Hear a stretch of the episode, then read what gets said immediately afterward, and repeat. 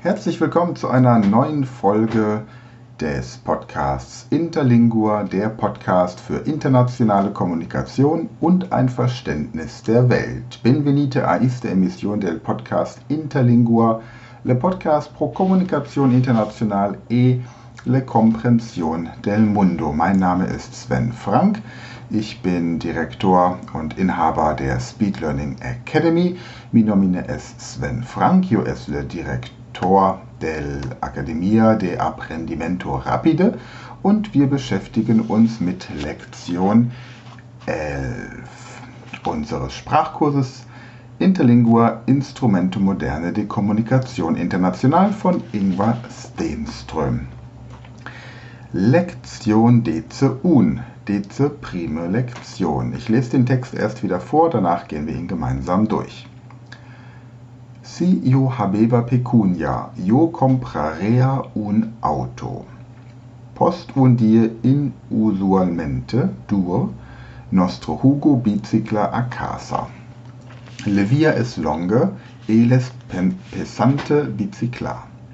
Si yo habeva pecunia, yo comprarea un vetere auto, ille pensa. In tal caso, io donarea mi biciclo a mi fratre qui sempre se lamenta che le sue es si mal che illo es quasi inusabile. Io non plus besognarea viaggiar per autobus quando il face mal tempore, e non me sentirea fatigate giusto nunc.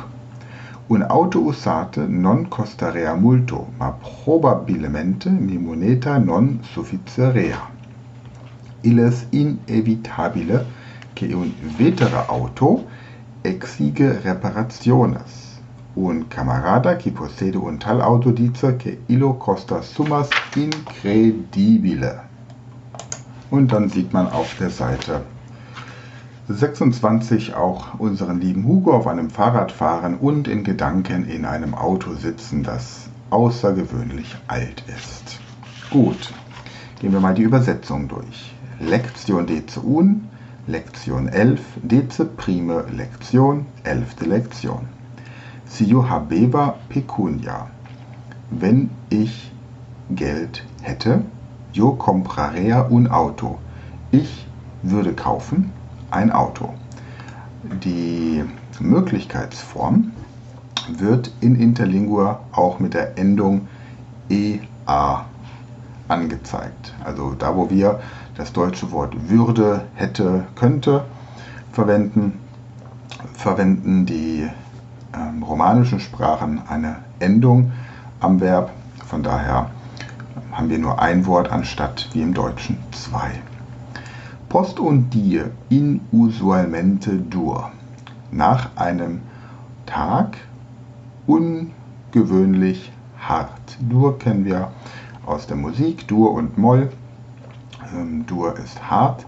Nostro Hugo bicicla a casa. Unser Hugo fährt mit dem Fahrrad, also radelt, a casa, nach Hause. Le via es longe, der Weg ist lang, eles pesante bicicla und es ist anstrengend schwer zu radeln. Se yo habeva pecunia, yo comprarea un vetere auto. Wenn ich hätte Geld, ich würde kaufen ein altes Auto. Wenn ich Geld hätte, würde ich ein altes Auto kaufen. Ille pensa, denkt er.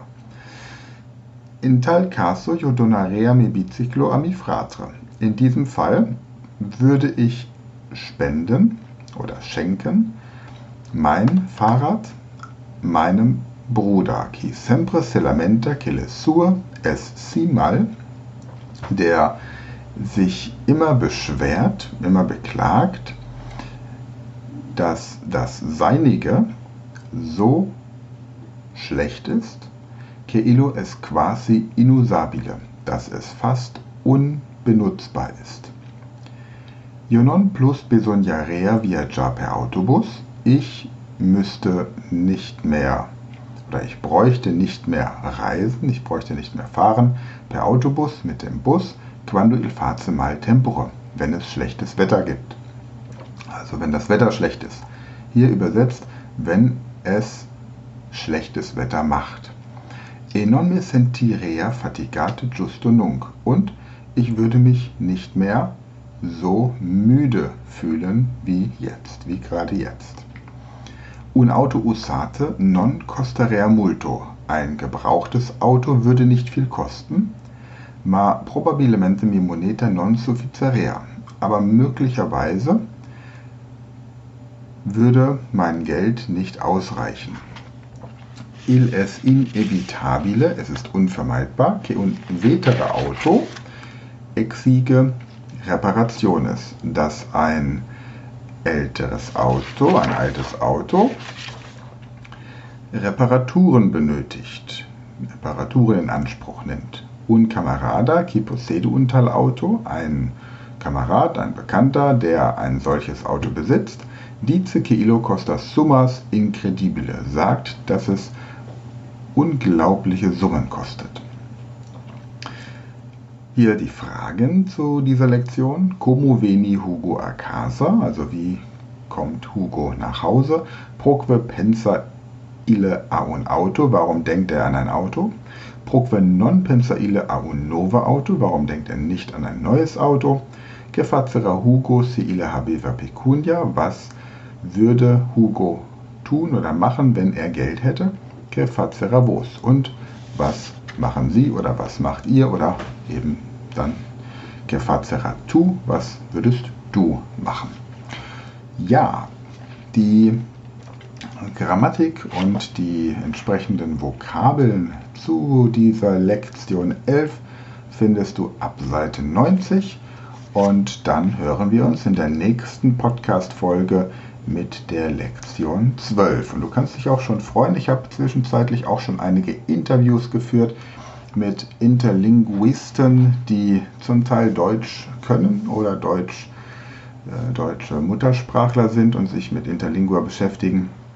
Und wir werden, wenn wir diese 30 Lektionen durchhaben, als allererstes ein Interview hören mit dem großartigen Ingvar Stenström, der diesen Interlingua-Kurs hier gestaltet hat der mittlerweile ähm, ich glaube, nächsten Monat oder diesen Monat seinen 92. Geburtstag feiert. Er wird zunächst mal auf Deutsch erklären, wie er als schwedischer Deutschlehrer mit Interlingua in Kontakt kam und das an Schulen angewendet hat.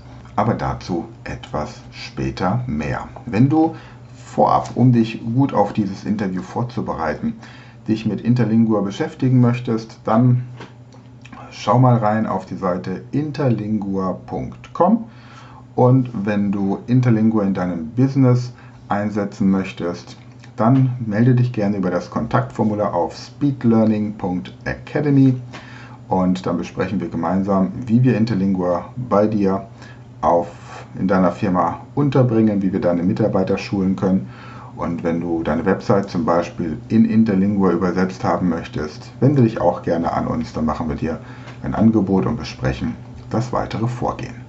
In diesem Sinne, weiterhin viel Spaß und bon septimana e al proxime vice.